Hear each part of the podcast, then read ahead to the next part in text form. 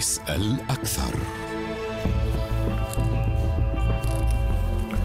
أهلا بكم. يستمر الحشد في العواصم الغربية من أجل فرض عقوبات ضد موسكو على خلفية اعترافها باستقلال جمهوريتي دانيتسك ولوغانسك. فإلى أي مدى تتفق العواصم الأوروبية على طبيعه ومسار العقوبات ضد موسكو مع إدراكها أنها ستتحمل التأثير الأكبر لهذه الإجراءات بالنظر إلى حجم المصالح الاقتصادية والعلاقات التجارية والقرب الجغرافي مع روسيا مقارنة بالشريك الأمريكي الذي لا يتمتع بنفس حجم المصالح الاقتصادية كما أن سعيه كان واضحا منذ البداية نحو تأجيج الموقف بما يتيح له في النهاية استهداف العلاقات الأوروبية الروسية. وكثيرا ما يطرح السؤال من سيجني ثمار هذه الأزمة؟ ومن سيقع عليه غرمها؟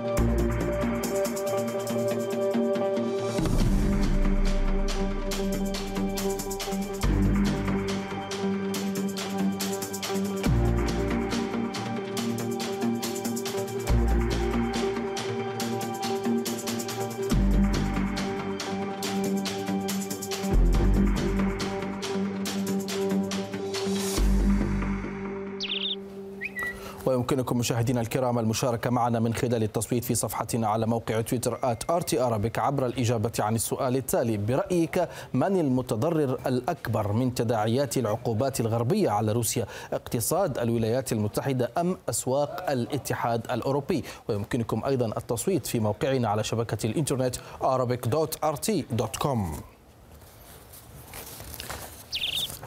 أرحب بضيفي الكريمين في سال أكثر. معنا من باريس الأستاذ والباحث في الاقتصاد السياسي والعلاقات الدولية حسان القبي ومن ديترويت الإعلامي وعضو الحزب الديمقراطي سامح الهادي. مرحبا بكما ضيفي الكريمين. لو أبدأ معك أستاذ حسان القبي برأيك من سيتحمل العبء الأكبر من آه هذه العقوبات؟ بالنظر أن نحن نعرف أنه آه أي عقوبات تفرض لها انعكاسات وارتدادات حتى على الطرف الذي يفرضها نفسه. نعم بالفعل أستاذ كمال بعد التحية من خلالك إلى ضيفك الكريم كل فريق روسيا اليوم هذه الليلة وعموم المشاهدين. نعتقد حقيقة ونحن نتابع يعني اجتماعات سواء بالأمس على هامش منتدى التعاون للمحيط الهادي والهندي الذي عقد في باريس بحضور منسق السياسات الخارجية للاتحاد الأوروبي جوزيف بوريل وجون إيف لودريون وزير الخارجية الفرنسي حزمة من العقوبات عديدة. كذلك كنا ننتظر ونرصد الموقف المستشار الألماني بخصوص خاصة خط نورد ستريم 2 والذي كما يعرف الجميع سعت جاهدة المستشارة السابقة أنجيلا ميركل تجنيبه أي عقوبات بالرغم من الضغوط الأمريكية في ذلك الوقت التي كانت تفرض على ألمانيا. كما قلت يعني جهود حثيثة المستشارة الألمانية شولتز للأسف قرر تعليق آه تعليق العم... تعليق عمل هذا الخط دون قراءة وإجراء حسابات ممكن داخلية للداخل الألماني علما أن يعني امتداد الروسية ليست بالهينة خاصة لألمانيا مقارنة هنا بفرنسا ثم جاءت كذلك عقوبات من الولايات المتحدة الأمريكية نعتقد حقيقة أن. عفوا أن الأوروبيين آه، كالعادة ينساقون لم يتعظوا من دروس الماضي بالمرة. دروس ممكن انطلقت منذ سنوات. أشهرها 2011 سوف نعود إليها. ينساقون وراء رغبات الولايات المتحدة الأمريكية وهي في آه، يعني منطقة جغرافية بعيدة كل البعد مقارنة بالجغرافيا الأوروبية ولا يحسبون حساباتهم بالمرة. يعمقون يعمقون ممكن تكلفة تكلفة تكلفة مرتفعة. كل العالم يعرف أزمة المحروقات وأزمة الغاز حتى قبل اندلاع أزمة أوكرانيا. قبل اندلاع أزمة أوكرانيا تحدث الجميع نسب الارتفاع سعر المحروقات في العالم مرتفعة جدا. نعم. ممكن في فرنسا هناك ضبط ب 4% فقط زيادة. بالأمس تصريح مهم ومهم جدا لرئيس مدير عام شركة اي دي اف وهي من أكبر الشركات في فرنسا والمزود الرئيسي بالكهرباء والغاز للمواطن الفرنسي. تحدث أن بالرغم من هذه العقوبات فأن الشركة مستمرة في علاقاتها التجارية مع روسيا. ومن هنا نفهم حجم تخوفات في الشارع الفرنسي فاتورة الكهرباء مرتفعة لكل الأوروبيون. حتى هنا في فرنسا زيادة في 4% التقشف في الغاز وفي الكهرباء نلحظه في عموم الشوارع والمقاهي الباريزية الذين لا يشغلون التدفئة خاصة في الخارج مقارنة بالسنوات الماضية. لذلك نعتقد حقيقة أن الأوروبيون ينساقون وراء رغبات الولايات المتحدة الأمريكية دون آه، إجراء حسابات آه، حقيقية لمصالحهم خاصة الاقتصادية. ابقى معي. أستاذ سامح الهادي، هل تتفق مع هذه الرؤية التي تقول آه، بأن أوروبا هي التي ستكون المتضرر الأكبر والأول من أي عقوبات ضد روسيا بالنظر إلى القرب الجغرافي، بالنظر إلى حجم التبادلات التجارية والاقتصادية بين البلدين، عكس العلاقة بين روسيا وأمريكا التي هي أقل حجما مما هي العلاقة مع الاتحاد الأوروبي. في البداية تحت لك ولي السادة المشاهدين وكذا الضيف الكريم معنا من باريس في وجهة نظري أن هناك ثمنا سيدفع من كلا الطرفين. صحيح أن أوروبا هي الأقرب جغرافيا إلى روسيا وصحيح أنها الشريك التجاري الأكبر لروسيا بعد الصين وصحيح أن هناك علاقات تجارية ستتأثر. أتفق أن هناك يعني ضريبة سيدفعها المواطن الأوروبي ولكن لنسأل أنفسنا سؤالا أيهما أقل تاثيرا؟ أن يدفع المواطن الأوروبي والمواطن الأمريكي بعضا من تكلفة الحرية وإعادة الانضباط وإعادة القوانين إلى محلها واحترام الشرعيات الدولية والحفاظ على سيادة دولة مهمة في أوروبا هي أوكرانيا أم أن نترك الساحة تماما؟ لكي تتحرك فيها روسيا كما تريد وتعيد فرض القواعد السياسية التي كانت سيرة في ظل الاتحاد السوفيتي سابقا. أعتقد أن المواطن الأوروبي وكذا المواطن الأمريكي على استعداد تماما أن يدفع بعض التكلفة لكي يعيد الحق إلى أهله وتعود الأمور إلى نصابها دون أن يكون ذلك مؤثرا أكبر. ولكن السؤال الأهم الذي لم يسأله أحد لنفسه ماذا عن المواطن الروسي؟ ألم يدفع المواطن الروسي تكلفة من العقوبات السابقة التي فرضت والتي أدت إلى يعني التقليل من معدل النمو في روسيا من 3.5% كمعدل متوسط في العشرية الأخيرة إلى 3% ألم يخسر المواطن الروسي من ارتفاع سعر الدولار أمام الروبل الروسي؟ ألم يخسر المواطن الروسي والشركات الروسية من تقييد حريتها وحركتها في الاستثمار على المدى الأوروبي وعلى المدى الأمريكي؟ هذه هي الأمور التي ستدفع المواطن الروسي لأن يسأل حكومته. لماذا تزجين بنا إلى صراعات لا طائل منها؟ ولماذا تبحثين عن مكاسب قصيرة المدى؟ باعترافاتك بجمهورية دونيسك ولوغانسك سيكون لها أثر اقتصادي كبير أبعد كثيرا. مما تعرض لنا تعرضنا له بعد طيب الاستيلاء هذا هو السؤال. هذا الضريبة التي سيدفعها أيضا هذا هذا سؤال مهم. لماذا تزجوننا في صراعات لا طائل لنا منها؟ أنت قلتها ليس فقط المواطن الروسي الذي سيسأل هذا وإنما بالنسبة لهم أوكرانيا ليست شيء لا طائل منها أو شيء غريب عنهم أو شيء بعيد جغرافيا عنهم. هم لم يذهبوا ليحاربوا في في كوبا أو في فنزويلا أو في المكسيك. أما هذا السؤال ماذا لو سأله المواطن الفرنسي؟ المواطن الألماني أستاذ حسن القب نعم بالفعل. نحن نعتقد وضيفكم الكريم يتحدث عن الحرية والشرعية الدولية. كنا نعتقد حقيقة أنه لو طبقت اتفاقية مينسك وهي اتفاقية دولية والقرار الدولي 2202 وهو قرار دولي تهربت منه كييف مرارا وتكرارا. ونحن نتحدث عن الحرية أنا أذكر باستفتاء. تعرف في عندما تكون هناك مشاكل آه، مشاكل سياسية كبرى هناك قنوات مؤسساتية نذهب إليها لفض النزاعات. استفتاء مينسك. استفتاء مينسك في 2014 96% من مواطني المواطني الأقليم يطالبون بالاستقلال. وهذه قنوات دستورية لم تفعل للأسف. لم تفعل وبقت الأزمة بقت الأزمة على امتداد سنوات ثمانية طيب. سنوات كاملة. الكل يعرف أن في الإقليم هناك انشقاقات آه، عرقية ولغوية بالرغم أن لا يوجد انشقاقات دينية ولكن هناك انشقاقات عرقية بأن أغلب المواطنين هم من أصول آه، إثنية روسية ويتكلمون اللغة الروسية. المجتمع الدولي يعرف الباحثين في العلوم السياسية يعرفون أن هذه دوافع عدم استقرار سياسي يجب من حل جذري ولكن الجميع تهرب. الاستفتاء المواطنون طالبوا بالاستقلال. كيف يعتبرون أن أنهم لا ينتمون إلى الدولة الأوكرانية. هم طيب هذا موضوع طائفة آخر. أخرى هذا هذا بالنسبة ولكن للأسف. أستاذ حسن هذا بالنسبة للصراع الداخلي الأوكراني هذا موضوع آخر. لكن بالنسبة أعود للموقف الاوروبي أعود للشرعية. أنا أسألك سؤال واضح. الموقف الأوروبي الذي يقول اليوم نحن موحدون لفرض عقوبات على موسكو. هذه هذا المظهر الوحدوي الذي نراه اليوم هل سيبقى كما كما هو الآن عندما يتوقف السيل الشمالي واحد عن التدفق نحو أوروبا وألمانيا عندما يشعر المواطنون بالبرد هل سيبقى نفس الموقف موحدا كما هو الآن؟ عندما يمس الناس في وظائفهم وفي لقمة عيشهم هل سيبقى الموقف موحدا كما هو اليوم؟ هل هذا هل من السهل بالنسبة لأوروبا أن تعوض المصالح التي ستفقدها؟ أنا أنا أجيب بطريقة مباشرة. حقيقة يعني آه، حتى وإن كانت الحكومات 27 الاتحاد الأوروبي ممكن حتى بضغوطات آه، ألمانية فرنسية أو حتى من الولايات المتحدة الأمريكية ضغوطات أطلسية سوف يرضخون لهذه القرارات. المواطن في الداخل الأوروبي ليس بالوقت البعيد أستاذ كمال.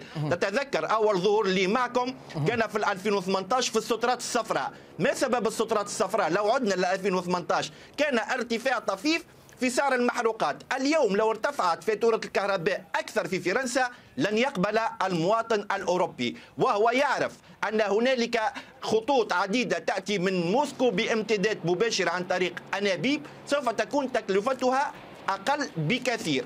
هذا من ناحية أولى. من ناحية ثانية أنا أريد أن أذهب إلى نقطة مهمة. حتى بالنسبة لروسيا اليوم. روسيا ورأينا الرئيس فلاديمير بوتين كان في بكين مع انطلاق الألعاب الشتوية. ونعتقد أن أنه رتب رتب الأمور آه، استباقا لهذه العقوبات. بكين هي مصنع العالم الكبير. الكل يعرف أن العالم حول كل مصانعه إلى بكين. وبكين لديها أزمة محروقات كبيرة.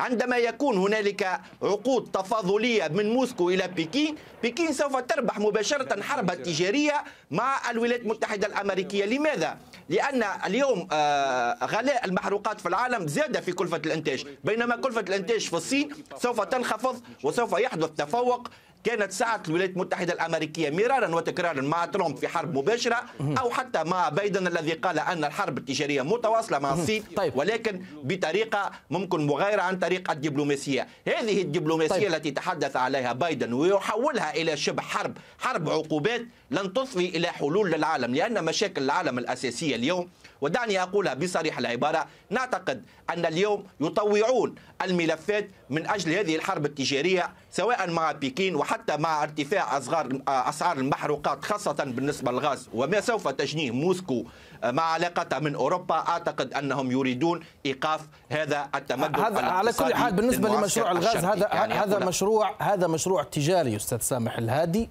أمريكا تقول لا نريد أن تسيطر روسيا على أوروبا بعض الأطراف الأوروبية تقول لا نريد أن تبتزنا روسيا بمسألة الطاقة أسألك سؤال بسيط هذا الأنبوب رقم اثنين الفارغ الذي لم يضخ فيه الغاز الآن من يستعمله ضد من؟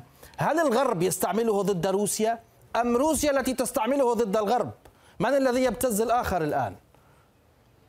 يعني فقط آه، سأجيب على هذا السؤال ولكني علي العودة سريعا إلى ما تفضل به الضيف من أن الاستفتاء الذي حدث في 2014 في إقليم الدنباس يعني كانت مرجعيته الأصول الإثنية والعرقية للأغلبية التي تنتمي ثقافيا واجتماعيا إلى روسيا.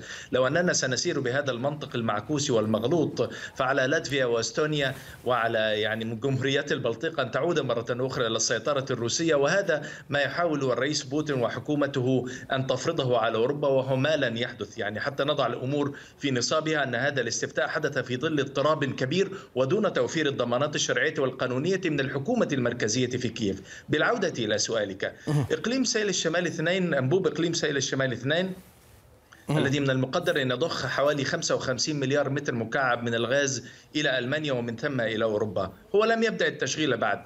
ولكن هذه القيمة الاقتصادية التي كانت ستضاف إلى 33 مليار متر مكعب والذين ضخهم الأنبوب الأول حاليا هي القيمة الاقتصادية والعائد الاقتصادي المباشر الذي كانت ستربح منه شركة كراسكوم الروسية والذي كان سيخدم المصالح الروسية. هذا هو ما ستخسره روسيا. البدائل في توفير الغاز الطبيعي ستكون متاحة من الولايات أيضا يخدم المصالح الأوروبية. أوروبا كانت تخدم كانت, تخ... كانت تحصل على غاز أرخص بخمس مرات مما ستحصل عليه من دول أخرى. سنة.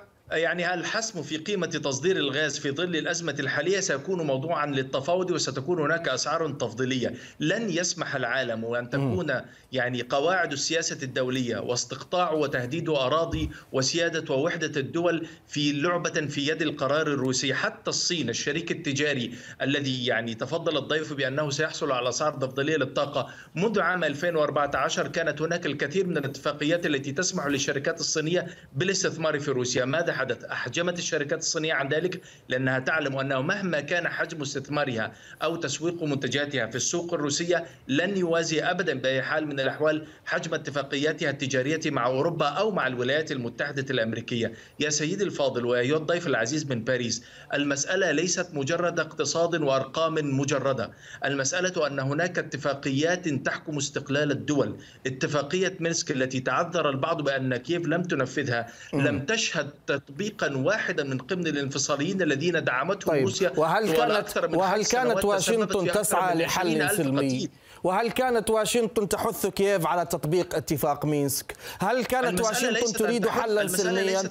أم كانت ترسل لها السلاح وتشجعها على الحسم العسكري للأزمة؟ أوكرانيا دولة ذات سيادة. يجب أن تحافظ على وحدة أراضيها خصوصا بعد درس القرم، لا يمكن أن نطالب كييف أن تظل صامتة في ظل تهديد وحدة أراضيها بين فترة طيب وأخرى ليقتطع طيب ألا يوجد هناك اتفاق مينسك؟ روسيا؟ هذا لا يجوز.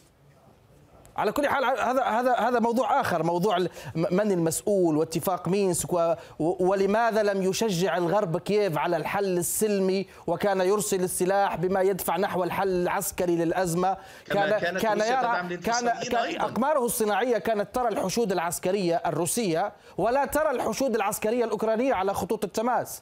لم يكن يحدد في حالة دفاع. هي في حالة دفاع وليست في حالة هجوم. على عكس كل. التموضعات التي خاصة بالقوات الروسية في وضعية آه. هجومية. الدبابة على خط الدنباس في حالة دفاع والروسية على الخط الثاني في حالة هجوم.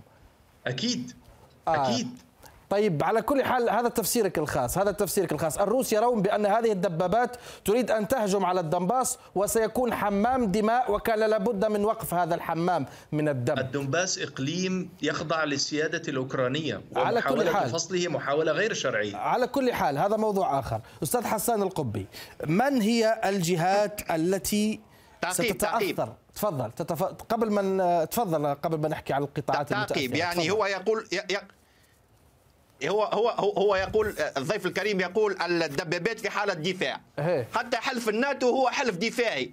ولكن رأينا ماذا فعل في ليبيا. ليبيا حتى الآن لم تخرج من أزمتها. ماذا فعل في العراق؟ وكيف سلم العراق لإيران؟ والعراق حتى اليوم لم يعرف الاستقرار.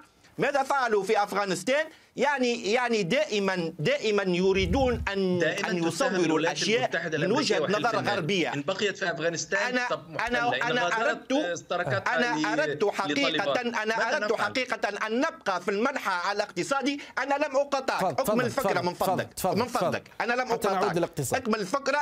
يعني المعسكر الديمقراطي لا يتحمل حريه حرية الرأي اليوم.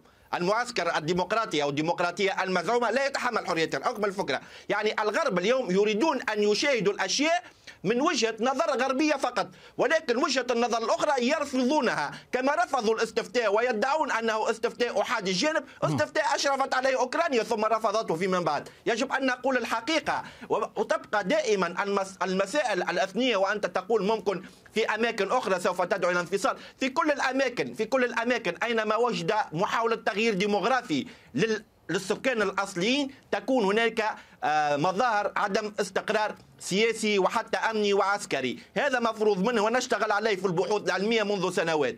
اليوم أساس المشكل في تقديري الشخصي أن الولايات المتحدة الأمريكية سحبت الملف الذي كان على صيغة النورماندي والنورماندي حققت تبادل أسرى في 2019 بين الجانب الروسي والجانب الأوكراني. من سكب الزيت على النار اليوم ليشعل كل هذا؟ هي بريطانيا؟ بريطانيا التي كانت دائما من كل من وقت إلى وقت تعطي مواعيد مزعومة للاجتياح وحتى بعد ما وقع الاعتراف بالاستقلال ما زالوا يقولون سوف يقع اجتياح. والولايات المتحدة الأمريكية لماذا؟ لأنهم حولوا أوكرانيا التي فقدت سيادتها في قرارها الداخلي إلى ورقة ضغط استعملتها الولايات المتحدة الأمريكية وبريطانيا. وبقى الاتحاد الأوروبي مهمشا ألمانيا شبه محتلة من بعد الحرب العالمية الثانية من قبل الولايات المتحدة الأمريكية. فرنسا التي تحاول وماكرون يحاول من أجل جيش أوروبي موحد وسيادة أوروبية كالعادة ينساقون وراء رغبات الولايات المتحدة الأمريكية. في 2011 2011 أدخلوهم في ربيع عربي مزعوم وجاءت المهاجرين من ليبيا ومن شمال إفريقيا ومن سوريا اليوم لو اشتعلت الحرب في أوكرانيا كل أوروبا الشرقية نصف أوروبا الشرقية سوف تتحول إلى أوروبا الغربية وعندها سوف لن ينفع الندم مثل ما وقع بعد سنوات 2011 في الاتحاد الأوروبي وهذا طيب. ما, هي ما هي القطاعات الاكثر الأكثر تاثرا أستاذ حسان الآن من العقوبات برأيك؟ يعني يعني بالنسبة لأوروبا هنا وخاصة فرنسا تعرفون شركات رونو بيجو من أهم مصنعي السيارات. هناك أزمة تصنيع بعد أزمة كورونا سوف تتضرر هذه الشركات الكبرى. شركات التصنيع شركات التكنولوجيا آه، فرنسا وروسيا تربطها علاقات آه، علاقات آه، اقتصادية كبيرة وكبيرة جدا. فرنسا تحظى ب 5% وهي سادس مزود للسوق للسوق الروسية بممكن قيمة قيمة تعادل 3.5 مليار أو أكثر بقليل آه، فرنسا فرنسا التي طعنت في الظهر من قبل الولايات المتحدة الأمريكية وبريطانيا في أزمة الغواصات بصفقة كبيرة بالمليارات. تخسر كذلك الاقتصاد الفرنسي آه، يهمش بالرغم من الانتعاش بعد أزمة كورونا ولكن أكيد أكيد الدول الصناعية الكبرى التي لديها مصالح اقتصادية كبيرة مع روسيا ليس في موضوع الغاز فقط حتى الألمان كذلك سوف يخسرون سوق مهمة ومهمة جدا مثل السوق الروسية. ما رأيك في ذلك أستاذ سامح؟ هذه هناك من يقول بأن المستفيد الأول هي واشنطن من الأزمة؟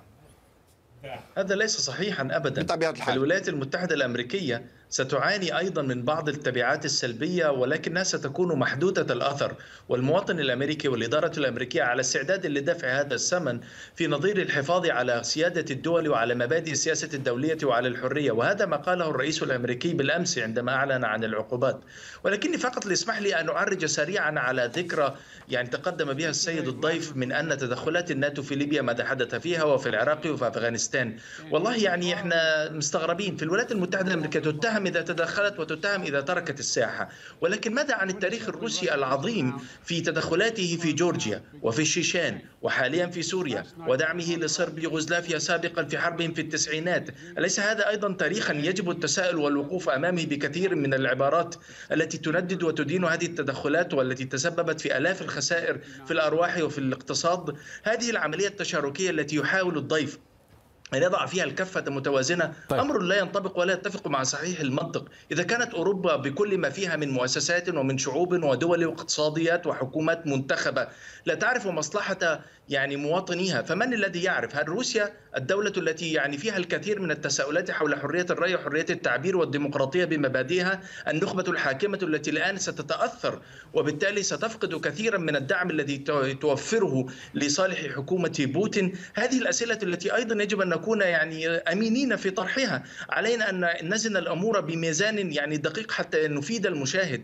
ولا تكون العملية جدلية يعني بدون قاعدة حقيقية من الموضوعية. هناك من يتهم الولايات المتحدة بأنها سعت للتأجيج بدلا من التهدئة. كيف التأجيج إذا كانت يعني تلقت استغاثة؟ استغاثة واضحة من أوكرانيا أنها في مرحلة هجوم وحدث ما كانت تتوقعه الولايات المتحدة الأمريكية أن هناك هجوما سيحدث. عفوا. هذا الهجوم الذي نتكلم عنه ليس بالضرورة يعني آه، دخولا كاملا بالقوات الروسية إلى الأراضي الأوكرانية ولكنه حدث بشكل جزئي. فاعتراف روسيا باستقلال الجمهوريتين الانفصاليتين من جانب واحد وبالتالي إرسال أنت تعرف يا أستاذ سامح هذا تعدي على السيادة الأوكرانية. الغريب أنه حتى الرئيس الأوكراني نفسه حتى وزير الدفاع الأوكراني نفسه كان منزعج من التصريحات الأمريكية. يقول الأمر ليس بهذه الخطورة ونحن لا نتوقع أن يكون هناك غزو روسي؟ بينما التأجيج البريطاني والأمريكي لم كان غير مسبوق ولحد الآن ما زالوا على نفس الرواية لهما؟ مع أنه لم يدخل أحد. أن هذه العقوبات يجب فرضها حالا ويستغيثوا بالمجتمع الدولي للدفاع عن مصالحهم وسيادة أراضيهم؟ التعليقات السابقة كانت مردودة ومصا... كانت مردودة وانعكاسا لاستحب الولايات المتحدة الأمريكية وبعض البعثات الدبلوماسية الأوروبية حتى لا تكون هذه الأفراد وهذه الأسر رهينة في حالة التدخل الروسي ويكون خروج بشكل يسبب ذعرا نعم. في الاوساط الأوروبية ويبدو المشهد كما أن روسيا يعني استطاعت أن تضع الغرب كله في خانة التصرف الضيق وردة الفعل فكان بالعكس كان تصرفا حصيفا. يعني أرجو أن تستمعوا إلى ما تقوم به الحكومة الأوكرانية من استغاثات وتسعى به إلى الحفاظ على ما تبقى من سيادتها على ارضها والذي يتعرض لكثير من العدوان الذي لن يعترف به المجتمع الدولي كما هو الحال مع القرب. على كل تفضل أستاذ حسن ما رأيك في ذلك؟ لا يعني يعني ونحن نتحدث عن زيلينسكي. الحاضر الغائب في هذا كل الملف. الحاضر الغائب. لماذا؟ لأن قبل أزمة كورونا كنا نشاهد زيلينسكي هنا في باريس نشاهد الرئيس الروسي فلاديمير بوتين ماكرون وأنجيلا ميركل. ولكن بعد أن سحب الملف من الطاولة الأوروبية كما قلت أستاذ كمال حولته الولايات المتحدة الأمريكية لورقة ضغط. أصبح زيلينسكي غائب. هو عبارة يلعب دور كومبارس في كل هذه المسرحية الأمريكية الغربية.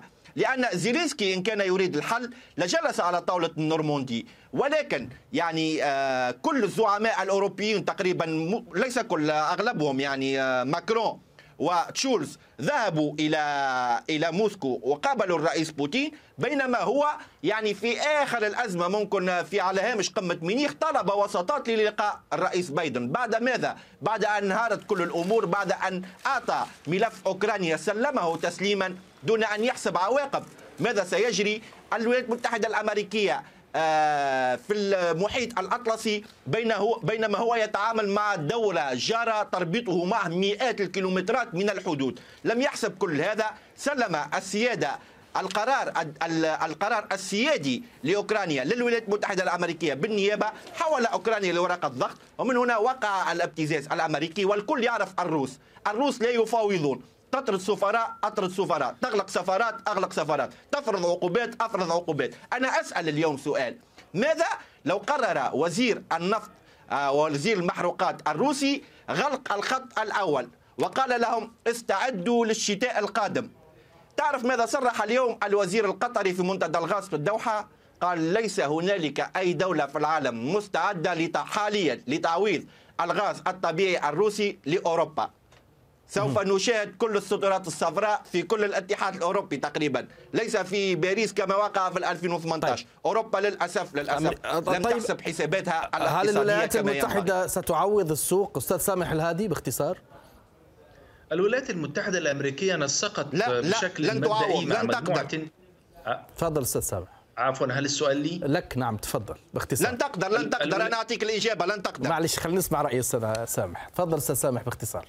آه هل الضيف سيجيب عني تفضل تفضل. هو هو عبر عن معلش معلش تفضل باختصار أستاذ سامح تفضل. الولايات المتحدة يا أخي رحاب الصدر يا أخي شوية رحاب الصدر تفضل أستاذ سامح باختصار. أستاذ كمال أنت قلت تفضل أربع مرات تفضل تفضل رجاء ان الوقت ضيق. تفضل. وأنا طيب قلت لك يعني الولايات المتحده الامريكيه نسقت مع مجموعة من المنتجين وكذلك المستهلكين للطاقة على مستوى العالم لمحاولة احتواء الأثر السلبي إذا ما أخطأت روسيا. وأقول أخطأت روسيا وقامت بغلق أنبوب الغاز عن أوروبا لأن ذلك سيزيد من من عزلتها. وسيدفع الغرب وسيدفع أوروبا إلى المصادر البديلة. وهناك مصادر بطريقة أخرى سيتم توفيرها. ولكن هل روسيا مستعدة لأن تعود إلى الساحة الدولية بشكل العائد نحو بحث عن حل وعن سلام أم أن تستمر في عزلتها؟ أعتقد أن القرار الروسي لن يكون واضحا الآن ولكنه سيتضح قريبا عندما تتم وضع آثار هذه العقوبات التي فرضت من كل الشركاء الأوروبيين ومن أستراليا ومن اليابان ومن الولايات المتحدة الأمريكية ومن بريطانيا على روسيا. عندها سيدركون تماما أن عزتهم ستزيد وأن التكلفة المادية والاقتصاديه الكبيرة التي سيدفعونها في نظير مكسب مكتب استراتيجي ضيق الأثر باعترافهم باستقلال الجمهوريتين وأخذهم قطعة من الأراضي الأوكرانية سيكون كبيرا جدا. والسترات الصفراء لن تكون في أوروبا وستكون هناك سفرات برتقاليه الإقالية ربما في موسكو احتجاجا على الآثار الاقتصادية طيب. الكبيرة طيب. التي ستدفعها هذه العقوبات طيب كلمة أخيرة أستاذ حسن نقطة نقطة نقطة فضل. نقطة نقطة فضل يعني يعني كنا نتذكر ابان أزمة كورونا وعندما كان برميل النفط برميل النفط ب 20 دولار ماذا صرحت روسيا في الأوبك بلس قالت مستعدة ميزانية لسنتين اثنين ب 20 دولار اليوم النفط تقريبا 100 دولار وسوف يرتفع لو قرر بوتين مع المملكة العربية السعودية في أوبك بلاس برفعها إلى 150 50 دولار سوف يرتفع إلى 150 دولار. وسنرى الأوليغارشية النفطية الأمريكية تعوي في شوارع واشنطن. شكرا إلى نتيجة التصويت. برأيك من المتضرر الأكبر من تداعيات العقوبات الغربية على روسيا؟ الذين أجابوا اقتصاد الولايات المتحدة 12.8% الذين أجابوا أسواق الاتحاد الأوروبي 87.2% التصويت متواصل في موقعنا على شبكة الإنترنت arabic.rt.com بإمكانكم أنتم أيضا المشاركة معنا. في الختام أشكر ضيفي الكريمين من باريس الأستاذ والباحث في الاقتصاد السياسي والعلاقات الدولية حسن القبي ومن ديترويت الإعلامي وعضو الحزب الديمقراطي سامح الهادي. شكرا جزيلا لكما. الشكر موصول لكم مشاهدينا الكرام على حسن المتابعة وإلى اللقاء.